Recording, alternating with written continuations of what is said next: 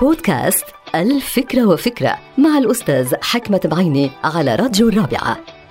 فكرة اليوم لها علاقة بالاتصال الفعال لأنه أحيانا نحن بنقوم باتصالات وبنتواصل مع الآخرين ولكن بشكل غير فعال واحيانا بنفشل في الاتصال ولكن ما هو الاتصال الفعال؟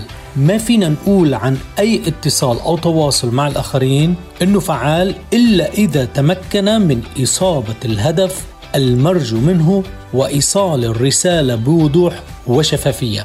فالاتصال الفعال ليس مجرد كلمات أو أصوات أو إيماءات بل هو مزيج من عدة عوامل هدفها الرئيس هو إيصال المعنى بشكل كامل بما فيه من مؤثرات وعواطف وهواجس. وبعكس التواصل الفعال فإنه التواصل الفاشل هو اللي بينحرف عن مساره وبيشوش على معانيه وبيأسس لسوء تفاهم وبيخلق صراعات بينه وبين الآخرين. لا للاتصال الفاشل.